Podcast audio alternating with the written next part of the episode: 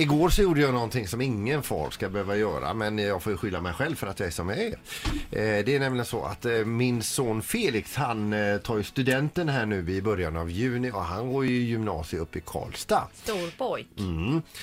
Och då är det så med studentfirande idag så är det en jättemaskin det här med, med, med att ta studenten med, med, med mössa och med Flak. olika outfits. För, och flak ska man hyra in också. Det ska vara skyltar och allt. Vad är det? Man hyr in ett flak. Ja? Med Flak. Vi fattar ju vad du menar De Peter. åker ju flak och så är det middag och det är gäster och så vidare. Och det är som så här att jag har inte riktigt varit så där superpåkopplad. Jag har ju hela tiden hummat med. Mm, så här, Men du har ju jobbet att tänka på. Jag har så mycket annat att stå i. Ja.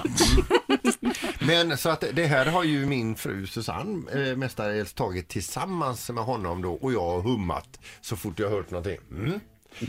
Och igår så insåg jag det att jag vet inte överhuvudtaget någonting om det här. Och, och då tänkte jag så här, det är ju dumt att gå till Susanne och fråga hur ser den helgen ut eller hur ser de dagarna ut för att det, eh, det bör jag ju veta som far. Ja. Så jag ringer ju 19-åringen i Karlstad istället och så säger jag så här, du, en förtrolig grej här nu Felix.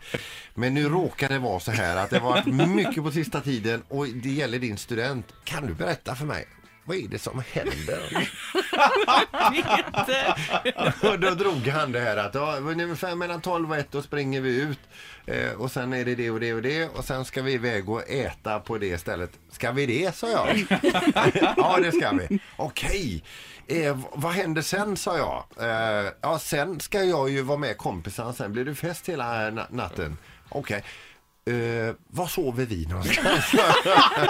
ja, ni sover i Karlskoga, sa han. Så att, eh, nu har jag koll. Men Eller hade. alltså det kan inte vara lätt att vara din fru. Nej. Blev hon aldrig arg Peter? Nej. Eller du menar på, på mig? Ja. Det minns han inte. Nej, på någon annan. Ett poddtips från Podplay. I podden Något Kaiko garanterar östgötarna Brutti och jag, Davva, dig en stor dos skratt. Där följer jag pladask för köttätandet igen. Man är lite som en jävla vampyr. Man har fått lite blodsmak och då måste man ha mer. Udda spaningar, fängslande anekdoter och en och annan arg rant. Jag måste ha mitt kaffe på morgonen för annars är jag ingen trevlig människa. Då är du ingen trevlig människa, punkt. Något Kaiko, hör du på Podplay. Därför arkadeinerna.